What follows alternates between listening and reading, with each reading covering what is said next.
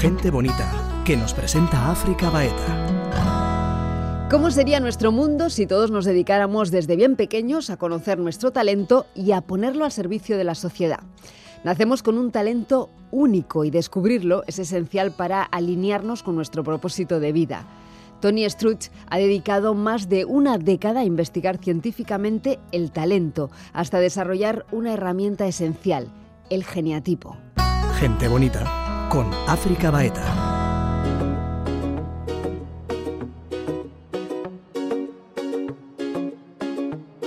¿Qué tal estás, Tony Struch?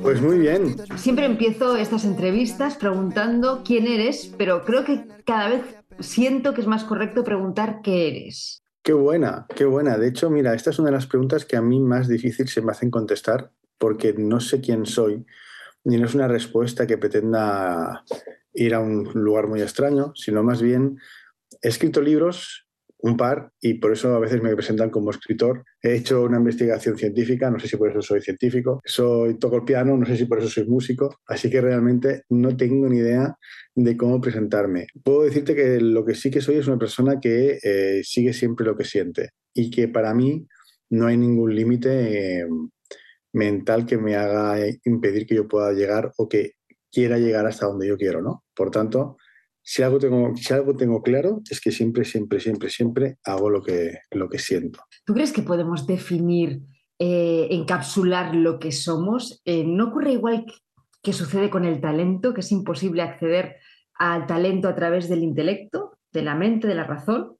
El talento eh, no proviene de la mente, el talento no proviene de la lógica, el talento no es un business plan, por tanto intentar encapsularlo para definir para que yo tenga una recompensa de cara a lo que yo represento no tiene ningún sentido. El talento proviene de, nuestra, de nuestro corazón, es aquello que nos apasiona, por tanto, viene directo de nuestra fuente y, por tanto, más que definirlo, es sentirlo. Así que el talento es, es de hecho lo que nosotros venimos a, a dar a esta dimensión, lo que nosotros venimos a dar a esta tierra y no tiene ningún, ningún sentido, como tú dices, encapsularlo, sino lo que hay que hacer es dejarlo fluir y a ver hacia dónde nos lleva, porque el talento es, eh, para mí, nuestra mayor eh, mm, fuente de desarrollo personal. Todo, y luego si quieres lo puedes mirar, cualquier concepto que toquemos acaba en la fuente de no conocer nuestro talento. Y a partir de aquí todo se distorsiona. Entonces, si tú conoces tu talento, el resto de cosas es bastante más fácil. ¿Qué es la fuente? Mira, en la investigación nosotros estudiamos una filosofía japonesa que habla del mabui. El mabui es nuestra fuente de energía vital, es decir, es aquello que nos da la vida. Si yo estoy lejos de mi talento, estoy lejos de mi mabui, es decir, estoy lejos de aquello que me da la vida. Por tanto, estoy desconectado de la vida. Teniendo en cuenta que nuestro talento es aquello, es que, que amamos hacer, es aquello que nos apasiona, pasión y amor nacen del mismo sitio, que es el corazón. Por tanto, nuestra fuente es aquello que nos conecta, nuestro, nuestro talento es aquello que nos conecta a nuestra fuente y nuestra fuente es aquello que nos conecta a nuestro origen. Por lo tanto, es la forma en, que en la que nosotros tenemos de estar en conexión con nuestra conciencia, con lo que somos. Porque fíjate, cuando un ser hace aquello que le apasiona, está absolutamente conectado al presente. Está tan, tan eh, em, tan ensimismado con lo que está haciendo en ese momento que no existe pasado, no existe futuro, solo existe lo que está haciendo. Por tanto, si en el mundo de la conciencia siempre se habla que lo más difícil es conseguir el aquí y el ahora, el estar en el presente, fíjate que solo ejerciendo aquello que te apasiona, ya te, automáticamente te enchufas a ese presente sin ningún esfuerzo. Sale automático. Eso es el primer indicativo de que eso te conecta a tu fuente, te conecta a la conciencia porque estás totalmente en conciencia en el presente en ese momento.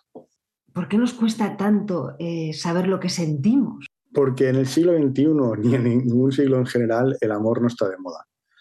Por tanto, desde que somos pequeños, eh, todo nuestro entorno, cultura, familia, estructuras y sobre todo en el colegio donde vamos, nos educastran, o sea, vivimos en una permanente educastración para que cuando salgamos a la vida se dé lo que se espera de nosotros pero no da igual que seas feliz, eh, que estés triste o que sepas reconocer tus emociones. Eso no es importante. Lo importante es que, que des lo que se espera de ti. Por tanto, el sentimiento y la emoción queda al lado. Solo queda el intelecto, la mente y la lógica. Y el intelecto, la mente y la lógica es una forma muy reducida de ver la vida, porque cada vez que yo intento procesar algo por lo que pienso, estoy reduciendo cualquier cosa inmensa a una cosa muy pequeña que es el cerebro, a mi mente, con lo cual esa idea queda reducida a nada. Pero en cambio esa idea puede distorsionar toda mi vida. Pero nos enseñan a eso, nos enseñan a pensar, como decía Descartes, pienso luego chisto, ¿no? Y yo en el libro, creo que al, final del libro, en la última frase del libro, cuento que, o sea, invito a la gente que descartes el pienso luego chistes por el siento luego chistes.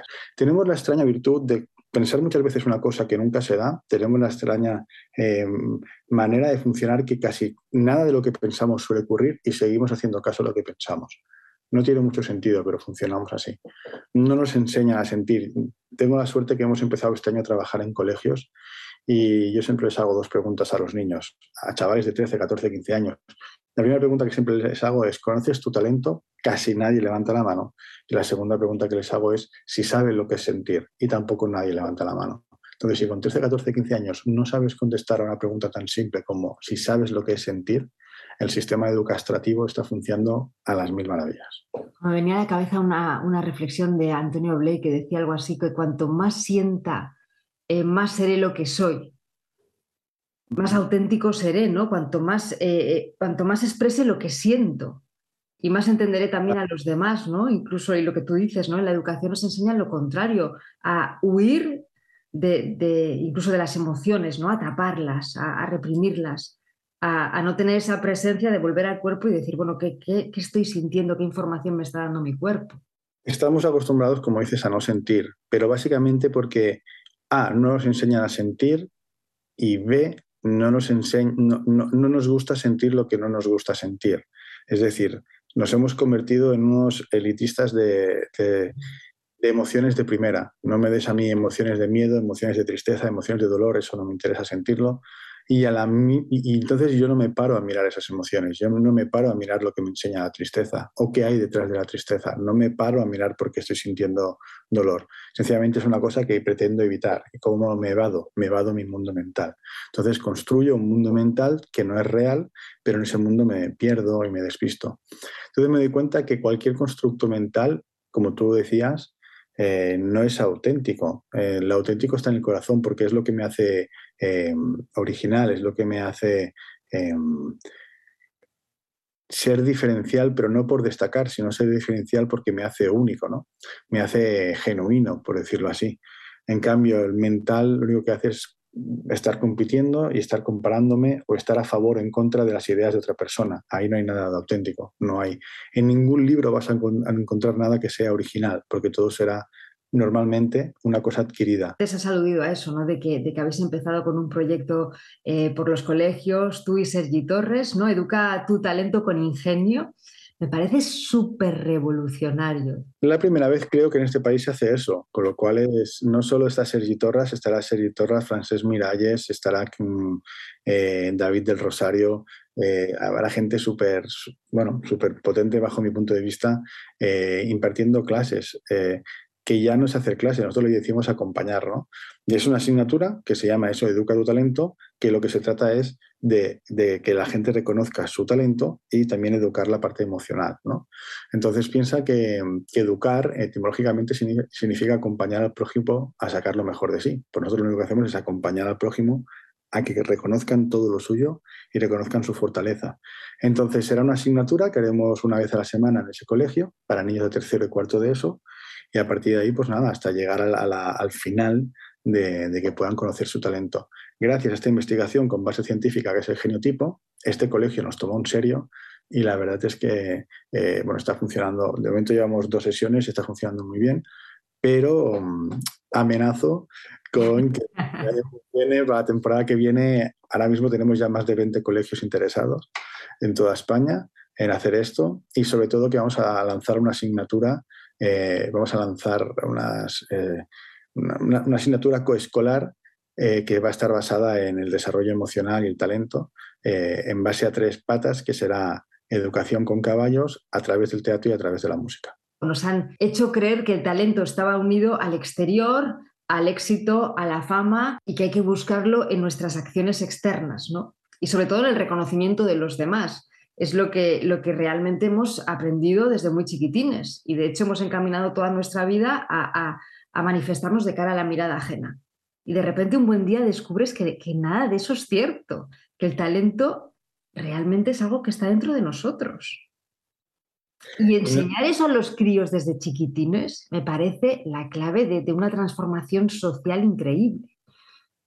Y no solo es eso, sino que por culpa de esa mirada del reconocimiento exterior, muchos seres humanos se piensan que no tienen ningún talento. Porque asociamos talento a fama y a reconocimiento, como bien decías. Y no es cierto, el talento es cualquier cosa, no va asociado a la fama. El talento, en el libro cuento que quién era más genial, si Einstein o Chiquito de la Calzada. El talento es cualquier cosa, todo es genial. Lo que sucede es que si no hay televisión de por medio parece que no sea meritorio, ¿no? Y el mismo chiquito de la calzada fue famoso a los 60 y pico, pero a los 30 y 40 ya estaba haciendo lo que hacía. Lo que pasa es que no había televisión de por medio. Con lo cual a los 30 era genial y a los 60 no lo era, o al revés. Eh, la fama no tiene nada que ver con el talento. Y, sí, que, que, los jóvenes puedan darse cuenta que la única forma de convertirse en, en, unos, en unos seres humanos que aporten algo de valor en, unos seres humanos que sean insustituibles, en unos seres humanos que no tengan la amenaza de la tecnología, de la robótica, de hacia el mundo global donde vamos, la única manera de que eh, no sufran por su futuro es ser auténticos y sacar lo mejor que tienen dentro, porque eso es insustituible. Nadie podrá hacer lo que hacen como lo hacen ellos. Para un chaval eh, que ya sabe cuál es su talento, directamente va a enfocar su vida eh, hacia él y va a dejar de escuchar los cantos de sirena que normalmente te confunden y te acaban llevando pues, a un trabajo eh, que te da dinero, que te sostiene y que no te hace feliz. Por desgracia, casi todo lo que hacemos en el mundo lo hacemos al revés. Entonces, cuando te paras a mirar las cosas, dices que lo hacemos todo al revés. O sea, no tiene ningún sentido nada de lo que hacemos, ¿no? Por ejemplo, hay gente que... imagínate una mirada externa de unos extraterrestres que vienen a la Tierra y que mm, cuando nos analizan como seres humanos dijeran, no, ellos para tranquilizar su ansiedad se ponen algo en la boca que hace humo y se ahogan. Lo hacemos todo al revés. Damos por normal lo, lo, anormal. Pero bueno, eh, dicho esto, lo normal sería que, que, que, como forma de vida que somos, que formamos parte de un ecosistema lleno de formas de vida, es muy curioso que nosotros que pasamos por ser la especie más evolucionada de forma de vida, somos los únicos que puede ser que muramos sin conocer qué hemos venido a hacer aquí. En cambio, el resto de seres vivos, incluidas las plantas, saben cuál es su propósito desde el segundo cero. O sea, la abeja no necesita 50 años de evolución para saber que viene a hacer miel. Lo sabe desde que nace. Y nosotros no. ¿Por qué? Porque lo hacemos todo al revés. Nos alejan de lo que, de lo que sentimos, porque primero estudia para ser alguien el día de mañana y a partir de ahí nos empezamos a perder. ¿no? Deja de soñar, deja de volar, deja de ser tú, deja de. Más vale malo conocido que bueno por y unas expresiones que hacen que todo se vaya al garete. ¿no? Eh, y ahí nos perdemos. Pero fíjate, si tú miras casos históricos como Michael Jackson, Madonna, Justin Bieber, otra cosa es la vida personal que han tenido, porque por desgracia, por eso nosotros hablamos de una, de una asignatura en los colegios de talento y educación emocional. Si, tienes un, si no tienes talento, mal, pero si tienes un exceso de talento y no sabes gestionar la emoción que comporta ese talento, en el fondo estamos igual, ¿no? Entonces, pero quitado eso, que hay que tener en cuenta que estos casos como Michael Jackson, como Maradona, no tuvieron esa, ese acompañamiento de educación emocional, es una maravilla y, una, y, algo extraordinario que esa gente con 3, 4, 5 años ya supieran lo que venía a hacer aquí, porque lo hemos disfrutado todos los demás. O sea, lo que ha aportado Michael a la música, lo que ha aportado eh, Madonna, lo que ha aportado, eh, lo que ha aportado Maradona al deporte. O sea, esa gente cambia la vida y vale que, mm, la pena que pierdas momentos de tu vida para mirarlos. Si todos fuéramos así desde el principio, todo sería mucho más fácil. Pero no, tenemos que primero perdernos, eh, pasar por un sistema educativo que no nos aporta nada, relativamente, y luego cuando ya eh, eh, me he divorciado o he perdido un trabajo o ya estoy en el fondo de todo, ahí empiezo a buscar qué he venido a hacer aquí. No tiene mucho sentido, pero lo hacemos todo al revés. Hay una frase que, creo que pones en tu libro, ¿no? que dice que es de Einstein, ¿no? La tragedia de la vida es ver lo que muere dentro de uno mientras vive. Sergio Torras tiene una frase maravillosa que yo siempre utilizo porque me encanta, porque no se puede definir con menos. No somos Homo sapiens sapiens sufriators. Por tanto, no hemos venido a sufrir, hemos venido a vivir. Entonces no tiene mucho sentido que seamos una especie que tenemos la capacidad de pensar, la única que tenemos capacidad de pensar, y, y elijamos esa capacidad para generarnos pensamientos que nos generen sufrimiento. No tiene mucho sentido, pero es lo que hacemos. Entonces, evidentemente no hemos venido a sufrir, porque eso significa que dejamos de estar en coherencia con nosotros mismos. Y, mm, sí, mientras que estamos en ese proceso de sufrir y de perdernos, eh, aplicamos una lógica que es la lógica que nos enferma. Mucha gente no es feliz yendo al trabajo, pero siguen yendo al trabajo porque es lo lógico. O sea, da igual que seas feliz o no, lo lógico es seguir haciendo aquello que no te gusta. Luego, evidentemente, ¿cómo no vas a estar mal contigo mismo si muchas veces vas a ganar? O sea, luego empieza la relación eh, complicada con la economía, con el dinero, pero resulta que tú estás obteniendo dinero a cambio de algo que odias. Esa relación genera una energía que nunca va a funcionar. Sí, es muy importante el tema de la coherencia, ¿verdad? Yo creo que es una de las principales fuentes de, de sufrimiento, ¿no? Sentir una cosa, decir otra, hacer otra. Entonces, realmente es ahí cuando entramos en, crisis. ¿Cómo le enseñáis a todos esos chavales a descubrir cuál es su talento? El 90% de, lo que hacemos va enfocado a que descubran que son seres que sienten.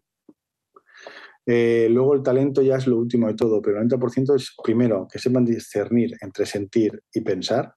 Dijéramos que nosotros nos hemos inventado la figura, la figura del emocionólogo. Muchos colegios están llenos de psicopedagogos, pero luego cuando les preguntas qué saben sentir, no lo saben. Entonces no sé qué sirven esos psicopedagogos, más allá de que hacen un trabajo extraordinario en cuanto a pedagogía. Pero lo que no tiene sentido es que si siento dolor, lo intento tratar desde la mente. No, no, no. Si siento dolor, lo intento tratar desde lo que siento el dolor. No desde intentar coger ese dolor e intentar entenderlo con esto, porque el dolor no se entiende desde aquí, se entiende desde aquí.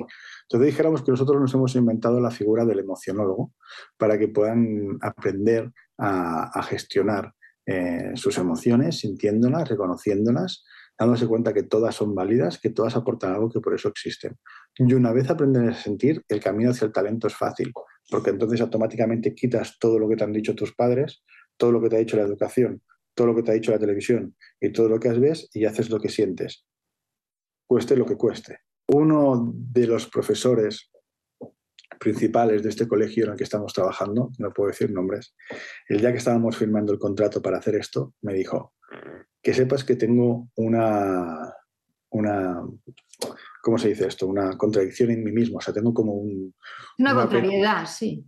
Contrariedad, exacto, gracias. Una contrariedad, dice, porque por un lado sé que esto que vais a hacer es maravilloso y esto va a hacer que los niños sepan hacer lo que quieran. Me dice, y mi hija se quiere ser artista y yo quiero que sea abogada. Entonces nosotros vamos hacia eso, que el niño le puede decir a su padre, papá, me da igual lo que me digas porque yo quiero ser artista. Y luego una vez también eso les enseñamos que toda, toda decisión tiene una consecuencia, que quizás ser artista significa eh, tener unos sueldos de una cierta manera que no tiene nada que ver con la economía lineal de tener un sueldo de funcionario, sino que es otro tipo de economía, ni mejor ni peor, diferente. Entonces, que todo tiene una consecuencia y que pueda entender que hay mucho más allá de una economía lineal, de un llegar a final de mes, de, hacer lo que hace todo el mundo, que hay muchas formas de, economía y de entenderlo. Y una vez saben eso, el talento más o menos casi todo lo tienen dentro, es decir, casi todos saben lo que les gusta más que otra cosa. la mayoría de veces es el miedo. Mira, el otro día una chiquilla nos decía, yo tengo muy claro lo que quiero ser, y era ser cantante. Digo, bueno, maravilloso. Yo entonces estaba llorando, digo, pero ¿por qué lloras? Y me dice, porque tengo miedo. Y claro, yo pensé, como siempre digo, cuando piensas, te equivocas, y mi reflexión automática fue decirle, tienes miedo porque tus padres no quieren que seas cantante, porque suele ser lo habitual, ¿no? Y me equivoqué. Y me dice, no, no, no, tengo miedo por fallarle a mis padres por si no estoy a la altura. Y ahí te das cuenta la cantidad de miedos y limitaciones que tenemos en nuestro, en nuestro cerebro y en nuestro patrón de, pensamientos, que, que, es muy difícil eh, gestionar eh, la emoción de los, de los, chavales jóvenes porque tienen 50.000 historias en la cabeza que no, no alcanzamos a, a, entender y que no sabes nunca por dónde es, ¿no? Porque resulta que esos padres le apoyaban en todo, le apoyaban en ser cantante, pero un día el padre le dijo, hija, te apoyaremos en que seas cantante, pero antes de que tome la decisión final, pues plantea otras cosas a ver si te gustan. Y si no, a por cantante.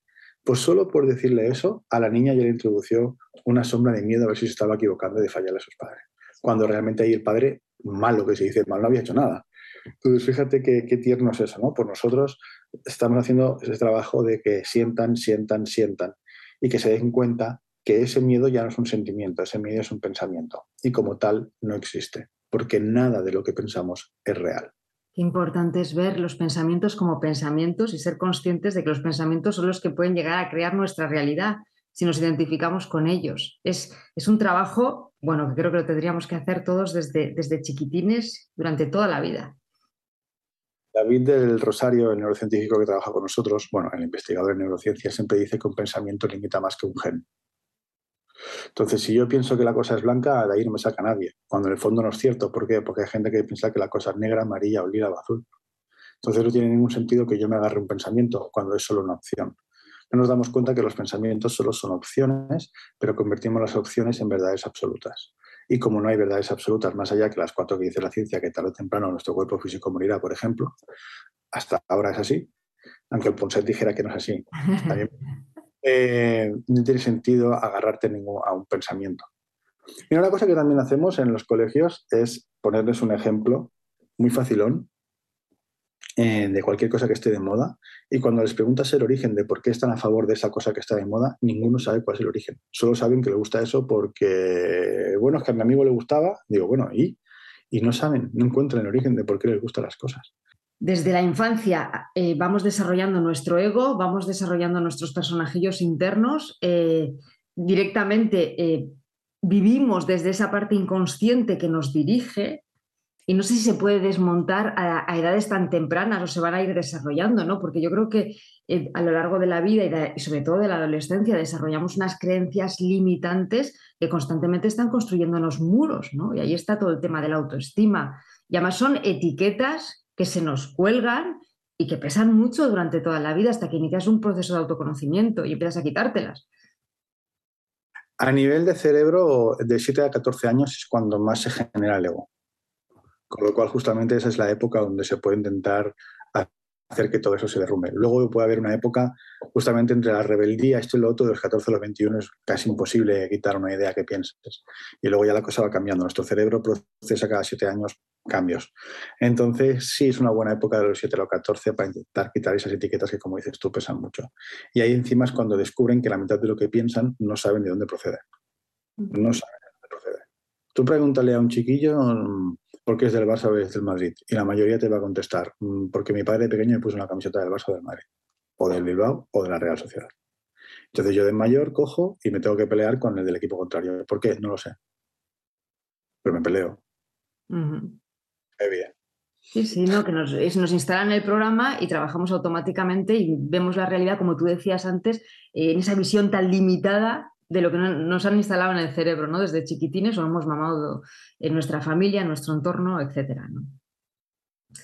Háblame del geniotipo. Venga, eh, durante. Eh, tú, digamos que tienes una vida anterior, 200 puestos de trabajo, eh, y un buen día decides que tienes que, empezar a investigar el éxito, ¿no? Y desarrollas el geniotipo. Dijéramos que la vida tiene dos maneras de hacerte ver las cosas. Una de forma natural, otra es a base de hostias. la vida tiene una... La vida te da una vida porque tienes un propósito. Si no tuvieras un propósito, no existirías. Por lo tanto, existimos porque tenemos un propósito. Así que en el momento que yo me estoy alejando de ese propósito, la vida primero intenta de forma suave decirte que no estás yendo por el camino que tienes que ir. En el momento que no estás entendiendo esas señales suaves, de golpe porrazo, la hostia es, es importante y te pone de cero en la, en la casilla de salida. ¿no? Em, en tanto en cuanto que la vida te manda aquí porque tienes un propósito, significa que tu trabajo es fundamental en esa vida. Yo hice un máster en fracaso porque estaba muy alejado de ese propósito, teniendo varios negocios, hasta que la vida me dio, me iba dando pequeñas píndolas de que por ahí no iba, yo no me enteraba, o no quería hacer por enterarme, hasta que la vida me lo quitó todo. Me arruiné, empecé de cero, volví a casa de madre con 30 euros en el bolsillo y con una deuda enorme. Y cuando volví a casa de madre, yo tenía dos podía hacer dos cosas. Enfadarme con la vida, empezar a decir que era un desgraciado, un, un fracasado, como me decía todo el mundo y tal y cual, o darme cuenta que eso era una oportunidad para empezar de cero de una forma más inteligente. ¿Cuál era la forma de empezar más inteligente? Buscar respuestas de por qué yo había decidido ir por ese camino que no era y por qué la vida me había dicho que por ahí no era. En esa búsqueda de respuestas, más que analizar el éxito, lo que analicé fueron muchos personajes que en la vida también habían, se habían tenido un guarrazo importante, o también sí que habían llegado al éxito, pero quería saber cómo habían llegado. En esa búsqueda de respuestas interiores nació el genotipo, es decir, me di cuenta que todos los personajes que, mm, eh, que respondían a un determinado patrón tenían el mismo talento. Entonces esos patrones de talento se iban, se iban repitiendo, repitiendo, repitiendo, repitiendo, y de hoy borrazo pues tenía yo ahí un, mapa de patrones de, de, talento que todos obedecían a diferentes características. Y de ahí nació el genotipo. O sea, el genotipo no es nada más que la búsqueda de respuestas para mí. En eso apareció el, el genotipo. Siempre digo que el genotipo yo no lo he creado, el genotipo es algo que existe, la conciencia existe todo. O sea, eh, Edison inventó la bombilla, pero lo inventó porque era algo que ya se podía hacer, con lo cual la conciencia, el concepto de bombilla existía. Edison lo único que hizo fue manifestarla. Pues dijéramos que yo con el genotipo es una cosa que ya existía, lo único que he hecho es ponerlo de manifiesto, no, no tiene más mérito que ese. Me gusta mucho lo que acabas de decir, déjame que, que te interrumpa un segundo porque creo que es esencial, porque la palabra propósito eh, como todo en la vida, ¿no? Que siempre en estas conversaciones de gente bonita siempre surge el tema, ¿no? De la libertad, del amor, eh, es muy distinta según la veas desde el ego y desde los estados compensatorios o según lo veas desde la unidad que somos, ¿no? desde esa fuente de la que hablabas al principio. Es muy bonito lo que has dicho, ¿no? porque hay algo que está manifestándose a través de nosotros. No es que sea el propósito de nuestro ego que tiene que llegar a ser y que, tiene que brillar en la vida porque tiene que ser algo individual triunfando, ¿no? sino que es esa fuente manifestándose a través de Tony, a través de África y a través de, de Sergi. Es, yo creo que eso es muy importante verlo. Es que esa es la clave de todo, porque lo más cachondo de todo es que cuando descubres qué es el talento, la definición más fácil es que es aquello que tú has venido a entregar al mundo. Es decir, el talento no es para ti, es para iluminar a los demás. Lo único que tú te toca hacer eso. Cuando la abeja hace la miel, la miel no es para la propia abeja, es para su colmena. Y luego el ser humano pues hace miel. Entonces, cuando Edison hace la bombilla, a lo que iluminas a los demás. Cuando Michael Jackson canta, los que disfrutamos de su música somos los demás. O sea, lo maravilloso del talento es eso, que es para los demás, no es para ti. Por tanto, cuando tú dejas de ejercer tu talento, en el fondo estás pasando, estás, eh, ¿cómo se dice eso? Estás faltando tu responsabilidad para hacia los demás. Y esto es lo que nos damos cuenta. Entonces, cuando yo estoy faltando a mi responsabilidad, en el fondo a quien le estoy fallando es a la conciencia, a la vida. Cuando digo fallando no estoy diciendo que, la vida nos señala, pero sí que de alguna manera hay algo que yo he venido a hacer aquí que estoy dejando de hacer aquí.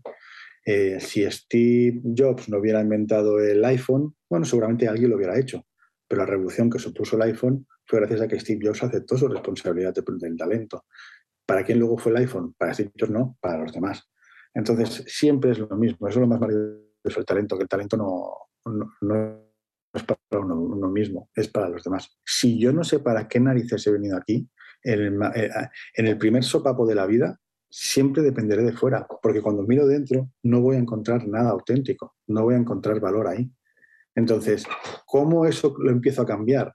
Cuando yo sé que he venido a hacer aquí, sé cuál es mi talento, empiezo a tener una zona de autoseguridad en la que yo me reafirmo y ya me da igual el vendaval, no me da igual, pero que se entienda, si me pasa algo en la vida, soy capaz de depender de mí, no depender de fuera para yo tirar para adelante. Tengo un amigo que siempre dice una frase, ¿no? Que dice, eh, ser feliz es sencillo, lo difícil es ser sencillo.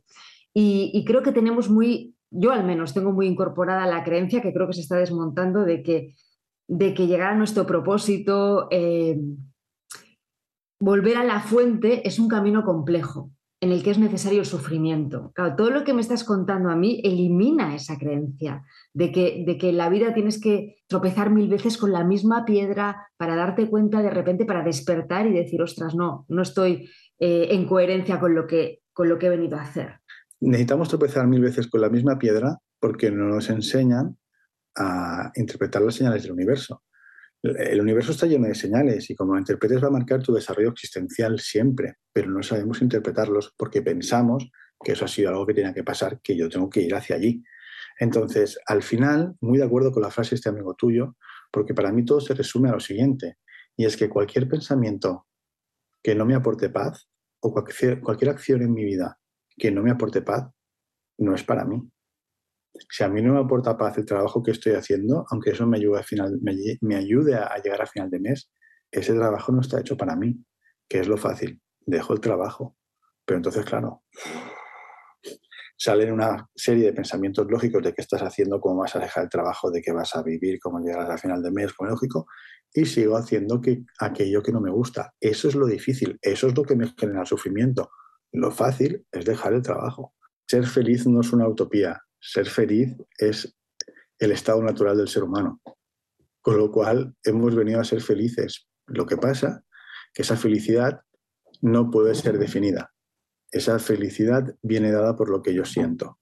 Si yo defino la felicidad con una serie de aspectos exteriores a mí, nunca la voy a alcanzar porque yo estaré definiendo esa felicidad desde la hora.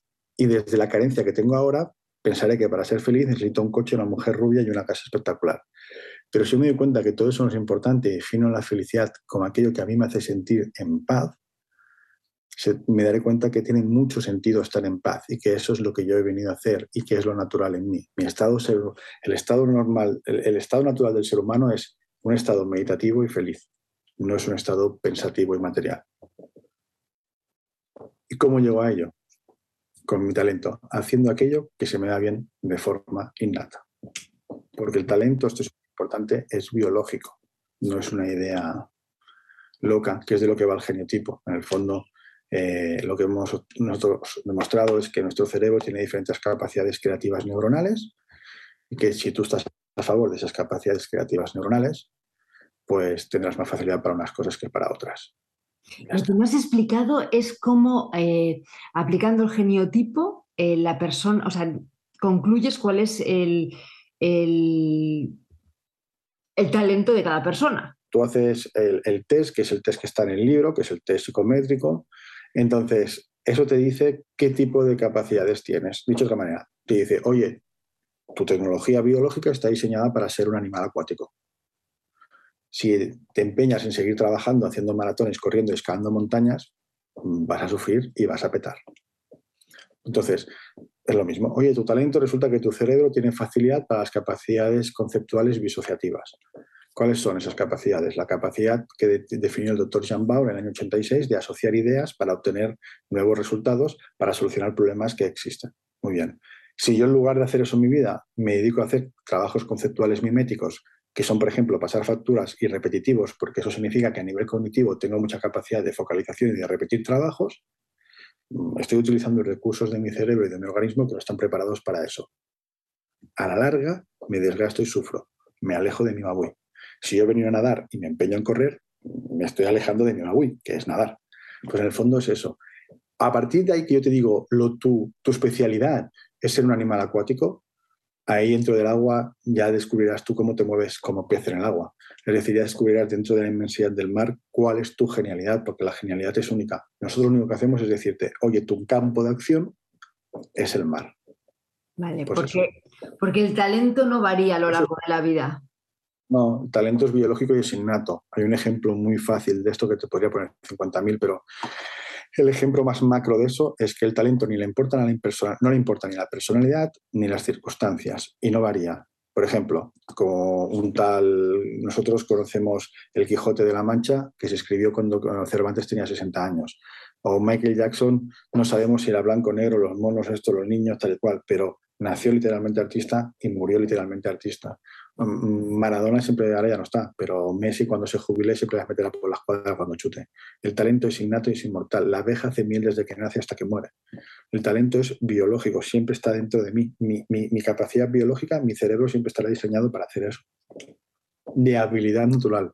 Otra cosa es que me capaciten para otras cosas. Por eso habilidad y capacidad no es lo mismo. Y luego llega, una vez que conocemos nuestro talento, lo que tú has dicho, ¿no? Aprender a gestionarlo. Claro, tú llegas a ser un genio cuando desarrollas tus habilidades de una forma única. Muchos jugadores juegan a fútbol, tienen habilidades para jugar a fútbol, pero los geniales son aquellos que dominan tanto su habilidad y la han entrenado y desarrollado tanto que les convierte en únicos. yo mm, puedo decirle a África que lo suyo tiene capacidades de triángulo más elipse, que tiene que ver con las capacidades de comunicación, pero si luego África va a ser un genio haciendo podcast, radio, televisión, periodismo o entrevistas en no sé dónde, eso ya lo tiene que descubrir en su camino. Entonces, la genialidad es la suma de, varias capacidades que tenemos, perdona, de varias habilidades que tenemos y como las desarrollemos, eso nos llevará a la genialidad. Imagínate pues un niño, a los cuatro años, un niño no puede dejar de ser movido. Y, creo que estás interrumpiendo su flujo universal, que es eh, esa energía que tiene que canalizar de alguna manera. Y le están diciendo, quédate quieto, quédate quieto, quédate quieto. ¿Qué le dices a, un padre que se enfrenta a esa realidad, que es muy común? Eh, le diría que, por ejemplo, tenemos nosotros un pequeño centro de investigación de educación y hemos puesto a prueba esto de, niños que no pueden parar de moverse. Entonces resulta que a uno de esos niños le, dimos un monopatín, le dimos un monopatín porque le encanta. Y resulta que mientras que él estaba con el monopatín para arriba para abajo, nosotros le íbamos recitando la lección. Y a la que le hacías una pregunta de, oye, ¿qué pasó en tal año según te he dicho? El niño sabía perfectamente la respuesta. Es decir, gracias a ese movimiento, el niño tenía más facilidad para retener, porque su forma de canalizar y de comprender las cosas a través del movimiento necesita el movimiento para comprender. Entonces, en la medida que vamos descubriendo estas cosas, sencillamente tenemos que ir poniendo a los niños por grupos por sus capacidades. Uno de los grandes errores es que los ponemos por años. Por ejemplo, nosotros eh, en infantil mezclamos los niños de tres años con los de cinco, porque hay niños de tres más desarrollados y niños de cinco que van un poquito más atrasados, y entre ellos, por selección natural, se compensan. Así que le diríamos que si un niño es movido es un indicativo de que necesita esa expresión corporal y que si luego saca un 5 en matemáticas y un 9 en gimnasia, que le apunten a clases de gimnasia, no a clases de matemáticas, que ese es el error. Mi niño es un 5 en esto, voy a potenciarlo en lo que no es bueno. En lo que es bueno no lo voy a potenciar. Es otra de las cosas que hacemos al revés, cuando decimos que la vida es fácil. Si el tío es un 8 en dibujo, apúntalo dibujo. Si es un 5 en matemáticas, coño, es que eso no es lo suyo. No sé si me explico. Pues. Perfectamente. Entonces, ¿cómo tendríamos que evaluar? Pues si ese chaval luego descubrimos por el genotipo que no tiene capacidades que son las de las matemáticas, el chaval saca un 4 y hace un esfuerzo para sacar un 4, pues eso se valora, pues, aprobado, ya está. Porque el chaval no está diseñado para eso. Si luego el tío es un buen matemáticas, pues lo que hay que exigirle es que si no saca un 10, está, está, siendo un vago, porque el tío tiene las capacidades para ser un 10 hay que verlo todo de una forma diferente. Básicamente hay que coger, cambiarlo todo y empezar de cero. Pero en eso, en eso estamos. Tony, ha sido un auténtico placer. Muchísimas gracias escucharte y, espero que el mensaje llegue muy lejos, porque creo que este mensaje lo tiene que escuchar mucha gente. Pues gracias a ti por, por ejercer tu talento y por darnos este espacio a todos para que podamos disfrutar.